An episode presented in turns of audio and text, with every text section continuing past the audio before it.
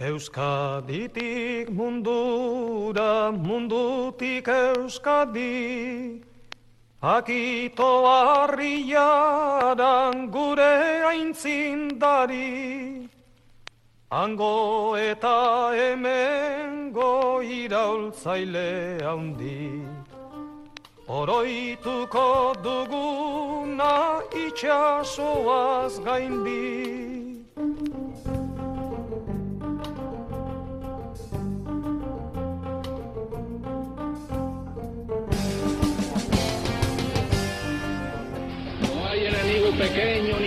Fuerza desdeñable, porque ya no hay pueblos aislados.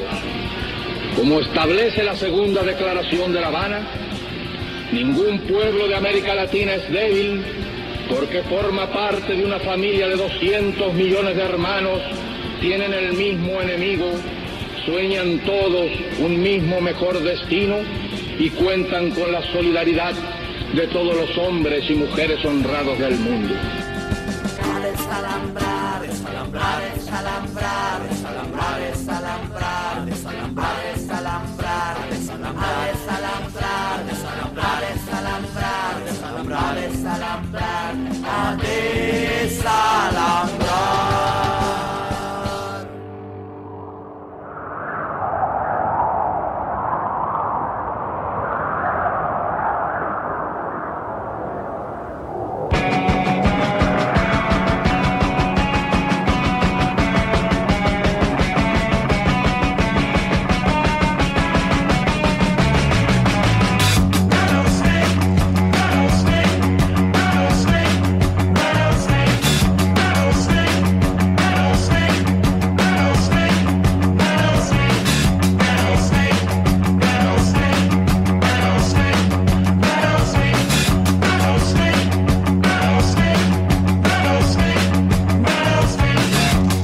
Entzule maiteok eta ongietorri adesalambrar irratxaio internazionalistara aste artero arratsaleko sortziretan alabedi irratian.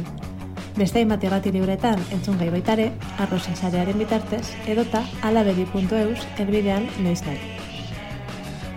Hogeita urte pasa dira Montevideon gozegreba baten ondorioz ospitalean ziren Euskal presoen alde burututako mobilizazioetan bigazte tiroz erailtzuela poliziak.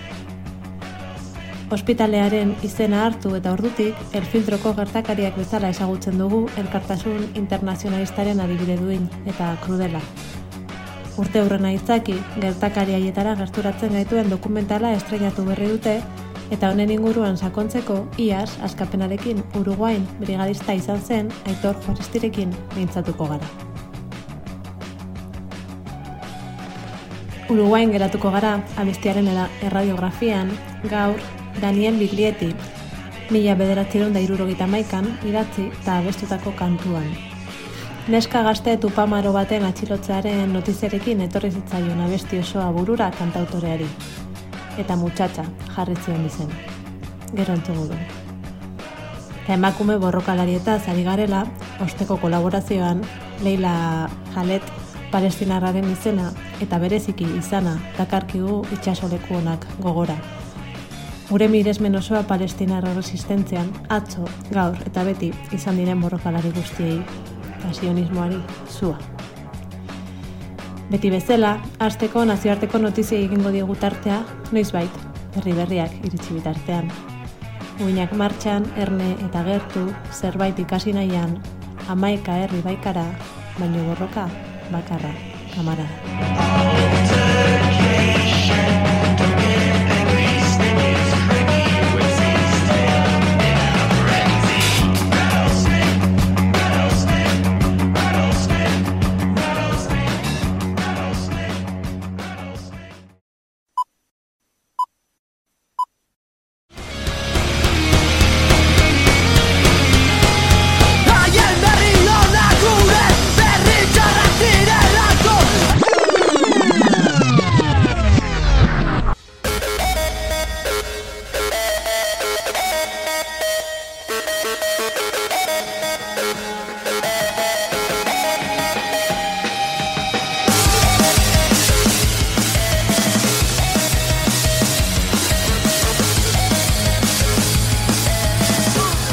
Internacionalista. El Salvador. Bukele gobernará otros cinco años pese a prohibirlo la Constitución. Después de destituir a magistrados e imponer un tribunal constitucional a su medida, Bukele recibió el respaldo legal que necesitaba para poder presentarle de nuevo a los comicios. A pesar de esta argucia del polémico régimen de excepción vigente desde hace casi dos años que no respeta los derechos humanos, de haberse hecho con el control absoluto de los tres poderes del Estado, de las acusaciones de corrupción y de los ataques a la prensa, Bukele sigue teniendo un apoyo indiscutible. Afirma haber ganado las elecciones con el 85% de los votos y ha logrado el control casi absoluto de la Asamblea Legislativa. Palestina. Allanamientos y leones en ciudades de Cisjordania. Las fuerzas de ocupación israelíes irrumpieron el sábado pasado en ciudades y pueblos de Cisjordania y lanzaron una agresiva campaña de miento de viviendas y de detenciones. De 7 de octubre han sido detenidas 6.500 personas, incluidas las detenidas en sus casas o en puestos de control militar, así como quienes fueron obligadas a entregarse bajo presión o las que fueron tomadas como rehenes. En Gaza se centran ahora en la zona de Rafah, donde se encuentra refugiada la mayoría de la población gazatí en unas condiciones infrahumanas. Estados Unidos. Ataques aéreos contra zonas de Irak y Siria. Los objetivos de los ataques estaban situados en la frontera entre Siria e Irak. Es la respuesta estadounidense a un ataque con drones contra tropas estadounidenses en una base situada cerca de Jordania donde murieron tres soldados y más de 40 resultados heridos. La excusa para los ataques estadounidenses es que se trataba de instalaciones presuntamente utilizadas por la Guardia Revolucionaria de Irán y sus milicias afiliadas para atacar a las fuerzas estadounidenses. En el ataque murieron al menos 23 personas en Siria y 16 en Irak. Menos mal que el presidente Biden declaró, no buscamos conflictos en Oriente Medio ni en ningún otro lugar, pero no toleraremos hostigamientos a las fuerzas estadounidenses. Gualmapu. 15 presos políticos mapuche están en huelga de hambre desde el 13 de noviembre. Reclaman en primer lugar que se decrete nulo el juicio contra cuatro de ellos condenados a más de 15 al cárcel a pesar de no existir elementos probatorios. También exigen que se les reconozca como presos políticos miembros del pueblo originario mapuche y que se cree un módulo de presos mapuche en la cárcel de Biobí.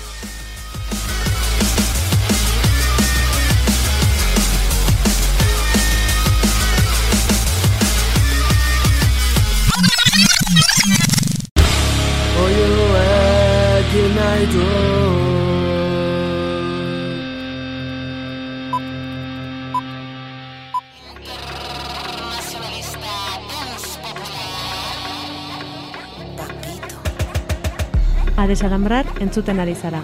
Alabedi irratian. Amaika herri, borroka bakarra. El amigo de todo, no amigo de nadie. Cántalo suave. ¿Cómo se hace la clave y el pase la llave para que todo esto se acabe? Todo se cae, todo se sabe. Irak, Haití, Chile combate. A liberar este mundo completo si tocan a uno.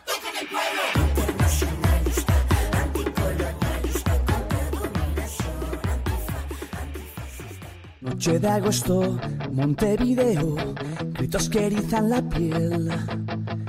Llora la luna ensangrentada, su rabia incendia el amanecer. Azturaren itzal beltza, urtero argi ziltzen. Duintasuna maitasunez jantzi daitekela La realidad internacional nos une en un mismo pueblo. Un pueblo que pide por justicia, que pide por el castigo a los culpables y por la autodeterminación de los pueblos. Noche de agosto, Montevideo, entre dos pueblos... Bueno, ba, irekiko dugu eh, elkarrizketaren txokoa, esalambrar irratxaio internaziona, internazionalista honetan, eta ba, berriro ere ozeanoa zeharkatuko dugu, eta Argentina eta Uruguairaino joango gara. Eta hain zuzen ere, goita mar urte, bete dira, betetzen dira aurte, 2008 lauan, e, filtroko gertakariena, eta honen inguran dokumental bat eh, ere eginda, eta dokumental hori bertatik bertara ikusteko aukera izan du gure gonbidatuak, e, Aitor, e, kaixo? Haupa, bai, Bueno, Aitor, e, bertatik bertara ikusteko aukera izan zu dokumental hau, hogeita mar urte direlako filtroko gertakariena. Zer da dokumental hau, zergatik egiten da, eta zer da bertan kontatzen dena? Bai, bertan egon ginen e, 2008ko brigadako laukide, e, ekoiz, e, lasenda, e, ikusentzunezko lasenda taldeak ekoiztutako dokumental bat da. Bertan, ba, kontatzen dugu apur bat, laro gita malauan, e, Montevideon egondako represio polizialaren gertakariak, eta e, dena zentratzen da Norma Morroire figuraren inguruan, dala eraildako pertsona baten ama, eta berak, hogeita mar urte hauetan aurrera eramandako borroka politikoa da, memoria horren e, testigantza hartzen dau, eta hori platxaratu nahi da, hori balioan jarri, eta garrantzitsuena, e, borroka hori, ez dela iraganeko kontua, baizik eta momentuko gauza dela, eta etorkizunera begira e, enfokatzen dauen dokumental bat da. Mhm. Eta bereiekin egonien, ba, orkezpena egonian eta lanian horren inguruan. Uh -huh. urte dira filtroko gertakariena, agian badago entzuleren bat ezagutzen ez duena, ba, ze gertatu zen e, filtroko ospital horren inguruan? Bai, laro gita malauan, e, Euskal Iraultzale batzuk, ba, goze baten ondorioz, bo, e, Espainiar Estatuak, e, e, Espainiar Estatura bidaltzia gure zitzun, e, gurugaiko gobernuak, Espainiako Estatuarekin egindako akordio baten gatik, eta orduan, ba, goze jarri ziren, eta egorak eskatuta, ba, hospital batera eraman zituzten, filtroko hospitalera. E, egoera horretan, Montevideoko er, e, herritarrak e, hospital ingurura horbildu ziren, eta bertan egon ziren kontzentratuta denboraz. Eta orduan egun baten, ba, e, Montevideoko edo Uruguaiko gobernuak karga, kargatu egin zituen, karga egin zuen e, bertan zeuden pertsonen aurka, eta bi pertsona zauritu asko egon ziren, baina horietako bi eraile egin zituen. Eta gertakari horiek e, konsiratu daitezke balkartasun internazionalistaren e, adibide garbitzat, ez?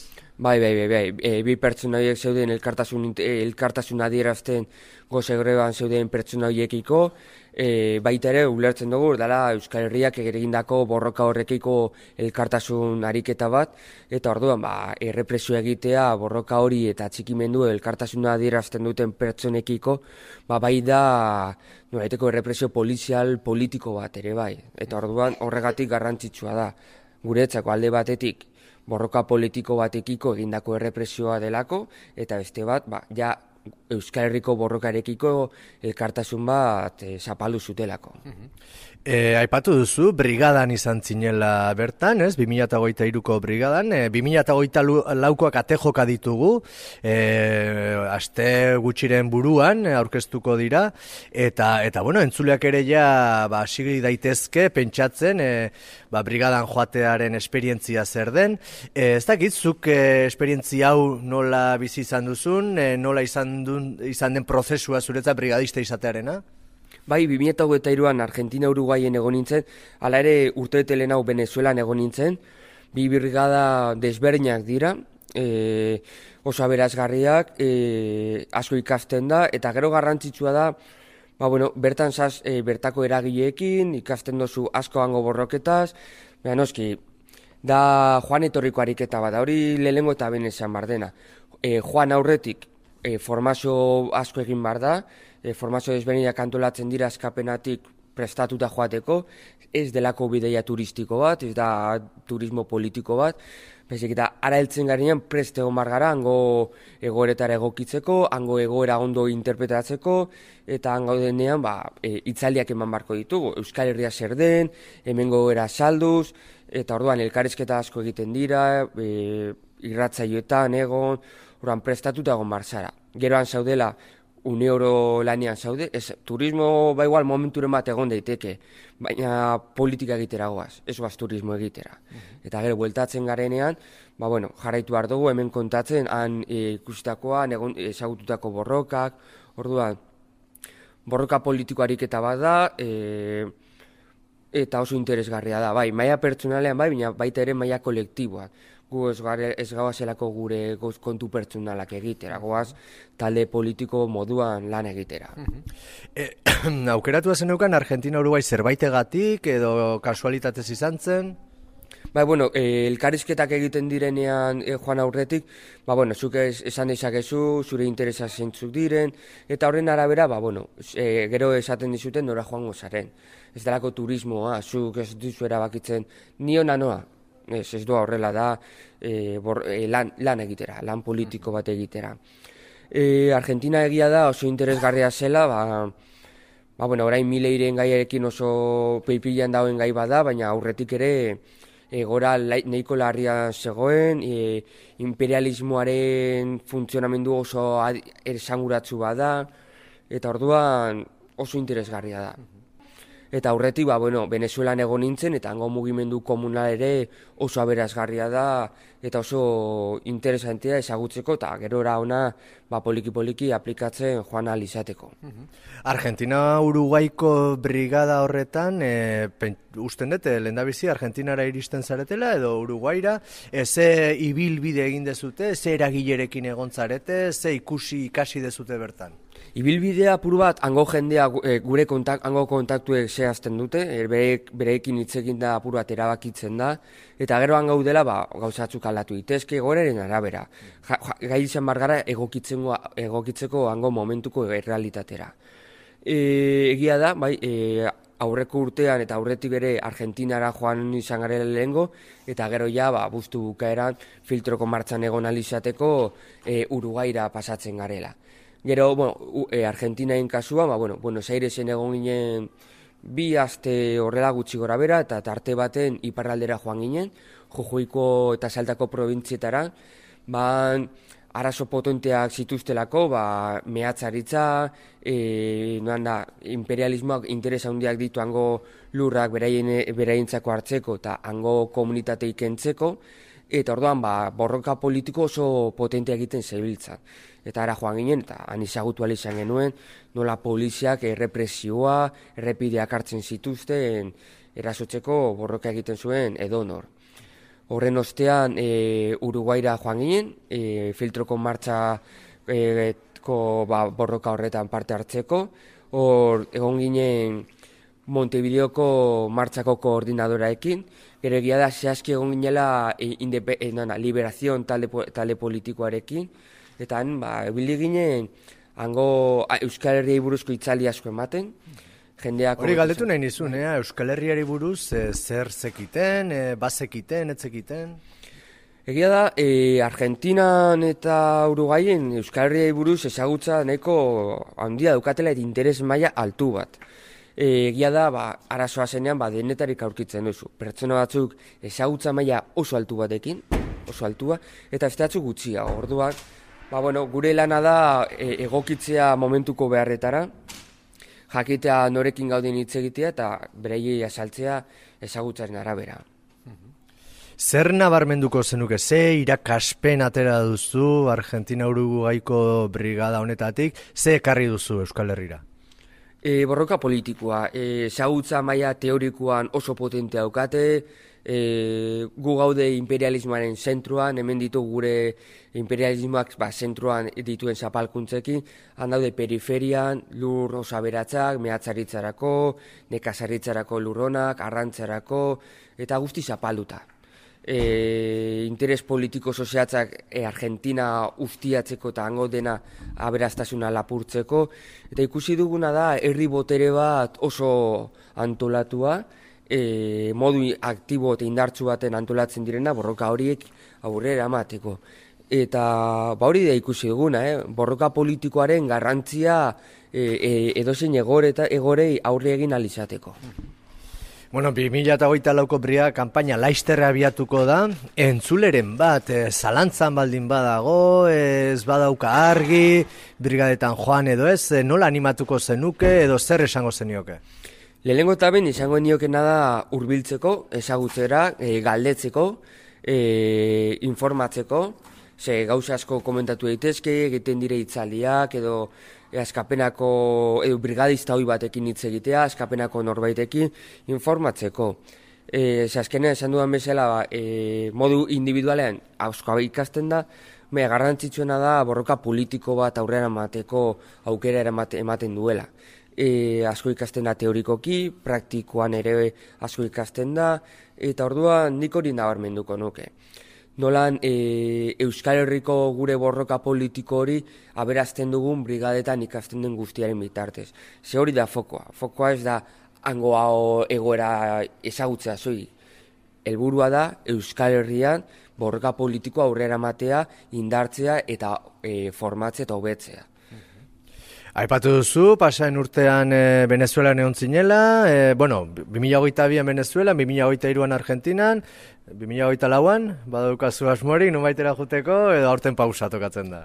E, galdera ona. E, egia da, galdetu izan didatela, erantzuna oraindik ez daukat argi, ze e, filtroko, bueno, Uruguaiko, bueno, Argentina-Uruguaiko aurtengo e, brigada ez da inoz bukatzen, beti jarretzen duzulako kontaktuan ango jendearekin, Baina oraingo ba, momentu honetan ba, gaude e, do, e, filtroko dokumentalaren proiektu honekin ba, Euskal Herrian zabaltzen eta orduan egia da o, momentu honetan burua daukadala horretan eta ez nabil pentsatzen aurtengo ustaia buztuan zer egingo dudan. Igande honetan ez, okerrezbanez aurkeztu da, Eta ez dakit Euskal Herritik e, biratxo bat egiteko, aurkezpenak edo zerbait egiteko asmori duzuen dokumentalaren inguruan? Bai, e, igandean aurkeztu zen dokumentala, e, Bilbon, e, Sirika lokalean, e, eta gero helburua da zabaltze Euskal Herritik dokumental hori. E, hango ekoilek e, eskatu ziguten, e, eta guretzako estrategikoa da e, horrelako ariketa bat aurre ematea. Azken finean memoria ariketa bat da Euskal Herriakin lotuta dagoena borroka politiko baten memoria ariketa bat orduan gure bete beharra da ere hori zabaltzea. Bai daukagu dokumentazioa materiala ja prestatuta ba, zabaltzen ibiltzeko orain gaudena da tokiak e, zehazten eta definitzen Eta norbaiten nahiko balu bere gaztetxera, bere herriko, bere herrira eraman dokumental hau, nora edo norekin jarri beharko luke harremanetan? E, horretarako, ba, bueno, egia esan, e, errezena e, erosoena izan daiteke askapenako sare sozialetan edo askapenako norbaitekin kontaktuan jartzea, esan hori eskatuz edo izanez, eta horrela ja barne talde, ari, e, talde hau dagoena ba, martxan jarriko zen harreman eta aurre eramateko. Eta oso garrantzitsua esatea e, norbaitek interesa eukiko balu e, bere inguruan e, proiektatzeko, ba, gu benetan eskertuko genukela laguntza hori borroka hau zabaltzen. Osongi aitor, e, mila mila esker eta beti bezala ba gonbidatu azken hitza ematen diogu zerbait azpimarratu, mezuren bat, deia diren bat esan nahi ezkero, zura mikrofonoa e, bale, mi esker, ba, brigaen konturakin, ba, e, bai aprobetsatuko nuke, edo aprobetsatuko nituzke minutu hauek, ba, alde batetik, ba, elkartasuna dirazteko borroka, e, palestinako erresistentzia borrokarekin, e, animatuko nituzke pertsona guztiak parte hartzera antolatzen diren borroka poli, e, politikonen aldeko ekintzetara, e, beti ere resistentzien aldeko e, bor, aldeko e, borroka bat denean, noski. E, horrekin batera animatuko nituzke biltzera pertsonak ba, interesa duena e, e, brigade kanpainen inguruan ba, informazioa bilatzera edo galdetzera inguruko kidei edo bestelan sare sozialen bitartez galdetzera. Osongi, ba, mi esker aito. Ba, mi esker zuri.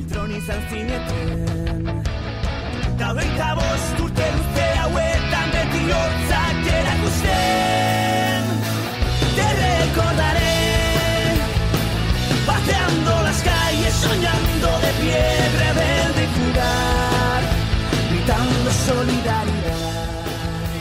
Arriba carajo, a seguir luchando y a pelear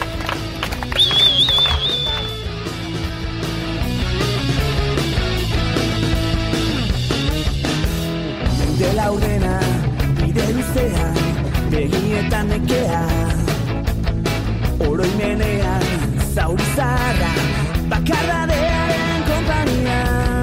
Pero nunca te rendiste. Te mantienes siempre Ayer y siempre memoria presente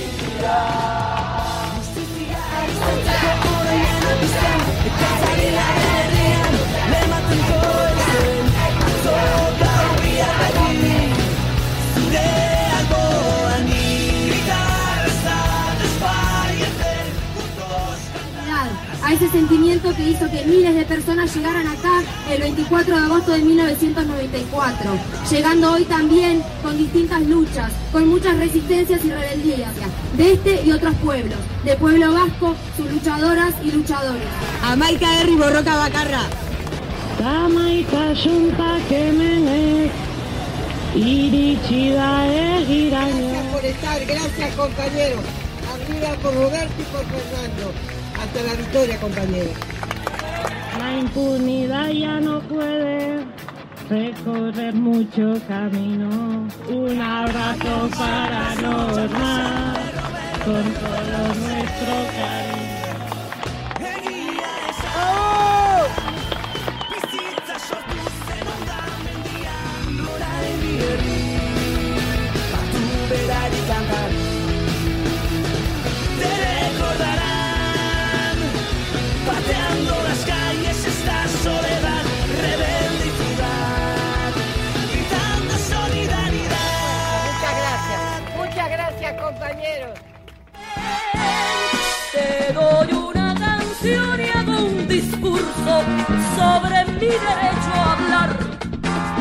Una canción con mis dos manos, con las mismas de matar. Te doy una canción y digo patria y sigo hablando para ti. Te doy una canción como un disparo, como un libro, una palabra, una guerrilla,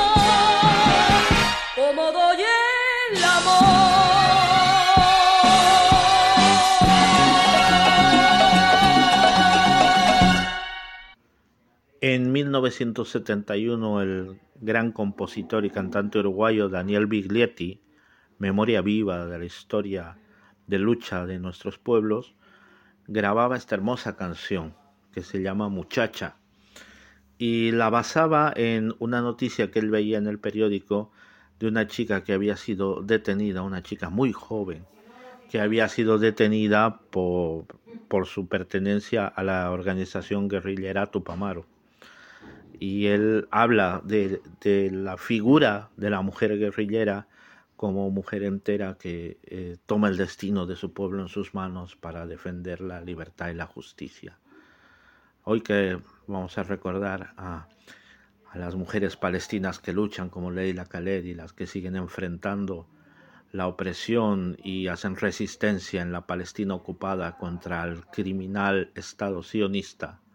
Hoy que recordamos también la, lucha del filtro en este programa y con él la solidaridad internacionalista del pueblo uruguayo con el pueblo de Euskal Herria, me ha parecido que es bonito poner muchacha de Biglietti. Comentarles que a Biglietti esta canción le costó la detención y la cárcel, donde le preguntaban cuál era su vínculo con los tupamaros por la canción. Y él decía, pues eso, lo que dice la canción, que él había visto en el diario a esta chica y que le parecía que las guerrilleras son, como decía el Che Guevara, el escalón más alto de la conciencia del ser humano, quien está dispuesto a jugarse la vida por la libertad, por la justicia y por la revolución. La muchacha de mirada clara, cabello corto, la que salió en los diarios, no sé su nombre, no sé su nombre, pero la nombro primavera.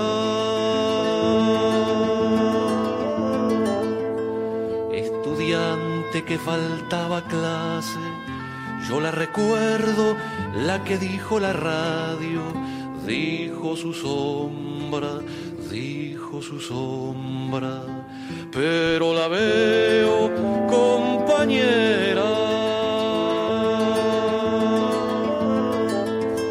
Caminante que borra sus pasos, yo no la olvido, la que no dijo nada,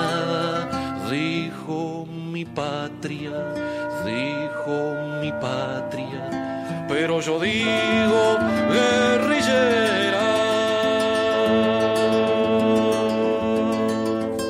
La que sabe todas las esquinas, parques y plazas, la que la gente quiere, aunque no digan, aunque no digan. Pero yo grito mujer entera.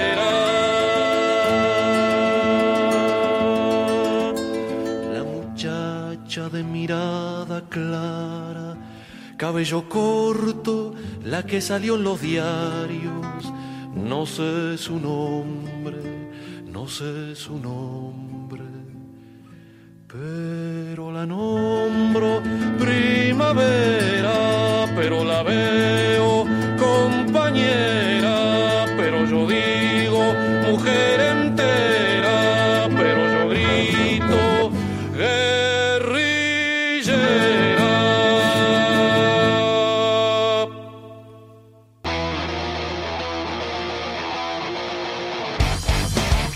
desalambrar. Irratsaio internacionalista.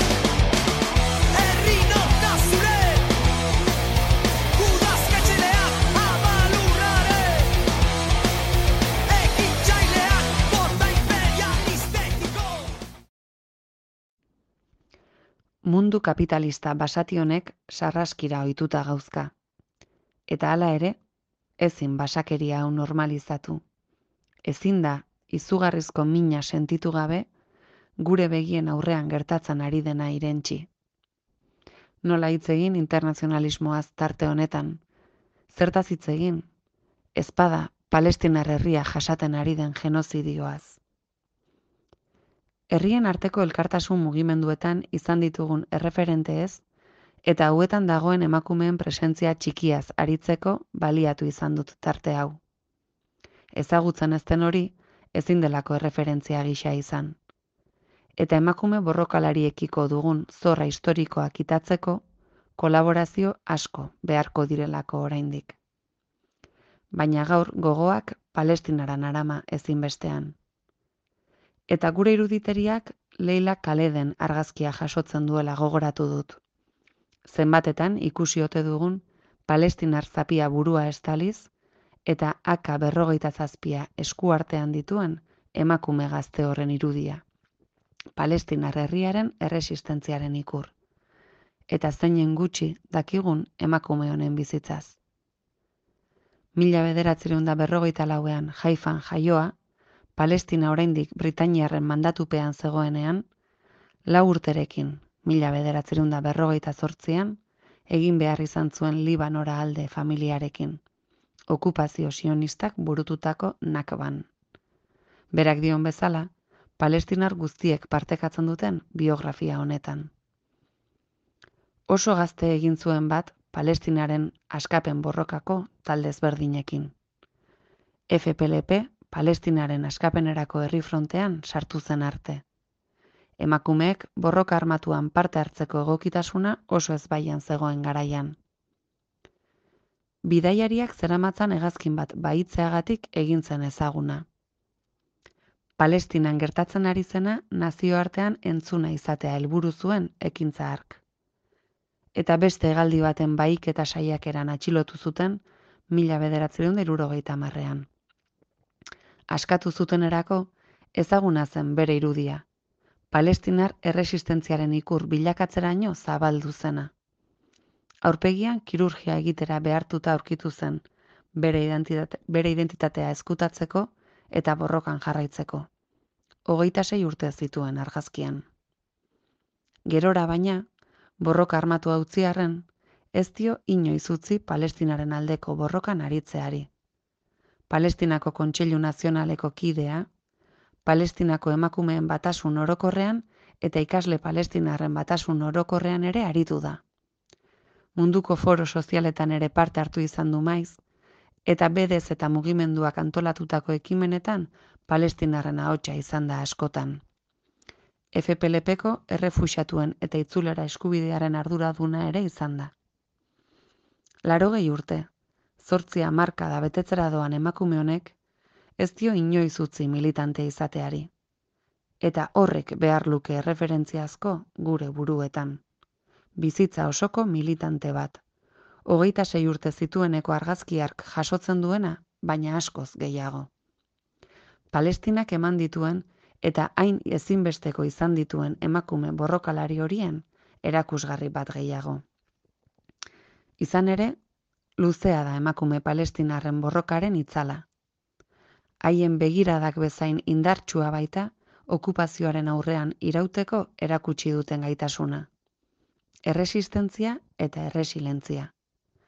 Palestinar berriei haien identitatea transmititzeko egindako autua, bizitzaren aldeko borrokan. Bizitza sortu eta ari heltzea baita, haien erresistitzeko ia aukera bakarra. Eta emakume palestinarrez ari naizen hontan, ezin dut aipatu gabe utzi Kalida Jarrar. Kalida Jarrar, Palestinako Kontseilu Legegileko diputatua, preso politikoen eskubideen defendatzailea eta ekintzaile feminista. Martxoaren zortziko manifestazio baten ondoren atxilotu zuten lehen aldiz zain zuzen ere, mila bederatzerun da laro gaita bederatzean. 2006tik FPLPko buruzagi politikoetako bat da.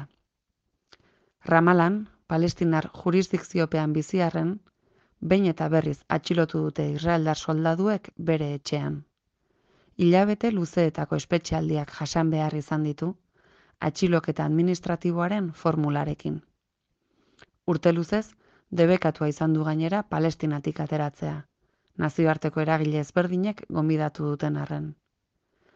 Askorentzat erreferente, duintasunari eusten dion militante politikoa, Israeldar estatu sionistarentzat arrisku potentziala. Gazako erasoaldiaren kontestuan, berriz ere atxilotu dute, bere ramalako etxean. Eta 2008ko abenduaren seitik preso dute berriz. Badijoakie, kalidari, leilari eta palestinar emakume guztiei gure miresmen osoa. Herri baten erresistentzia gorpuztu eta mundu osoko askapen prozesuei neurri honetako ekarpena egiteagatik. Ez diezaiogun utzi Palestinaz hitz egiteari, Palestinarrez hitz egiteari. Izen propio asko dagoelako herri oso baten borrokaren atzean.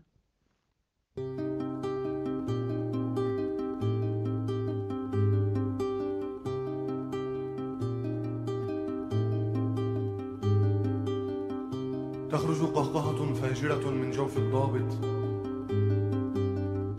هل قتلوا جفرة؟ كانت صورة المسيح على حائط غرفتها في باب القدس الليلة جئنا لننام هنا سيدتي يا أم الأشجار وأم الأنهار وأم العنب وأم المرج الأخضر هل قتلوا جفرة؟ هنا سيدتي جئنا الليلة لننام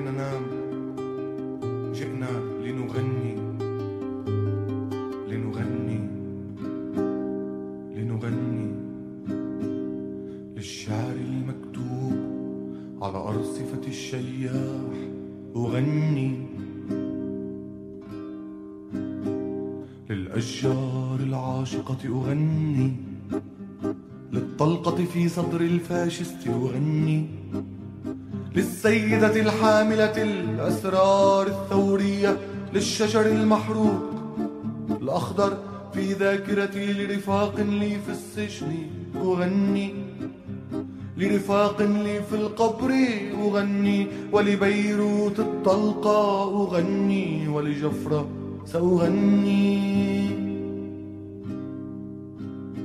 جفرة أمي إن غابت أمي جفرة الوطن المسبي الزهرة والطلقة والعاصفة الحمراء. جفرة إن لم يعرف من لم يعرف غابة زيتون ورفيف حمام وقصائد للفقراء. جفرة من لم يعرف جفرة فليدفن رأسا في الرمضاء أرخيت سهامي قلت يموت القاتل من لم يدفن وجه الغول الأصفر تبلع الصحراء جفرة كانت في قصر الإقطاعي تنوح. جفرة كانت في الجبهة تحمل طلقتها وتبوح. بالسر المدفون على شاطئ عكا وتغني. وأنا لعيونك يا جفرة سأغني. بالسر المدفون على شاطئ عكا وتغني وأنا لعيونك يا جفرة سأغني سأغني. جفرة أمي إن غابت أمي. جفرة الوطن المسبي. الزهرة والطلقة والعاصفة الحمراء. جفرة من لم يعرف جفرة فليدفن رأسا في الرمضاء أرخيت سهامي قلت يموت القاتل. من لم يدفن وجه الغول الأصفر تبلع الصحراء. جفرة كانت في قصر الإقطاعي تنوح جفرة كانت في الجبهة تحمل طلقتها وتبوح. بالسر المدفون على شاطئ عكا. وتغني وأنا لعيونك يا جفرة سأغني. بالسر المدفون على شاطئ عكا وتغني وأنا لعيونك يا جفرة سأغني. جفرة كانت في قصر الإقطاعي تنوح. جفرة كانت في الجبهة تحمل طلقتها وتبوح. بالسر المدفون على شاطئ عكا وتهني وأنا لعيونك يا جفرة سأغني. بالسر المدفون على شاطئ عكا وتغني وأنا لعيونك يا جفرة وغني وأنا لعيونك يا جفرة وغني وأنا لعيونك يا جفرة وغني سوغني سوغني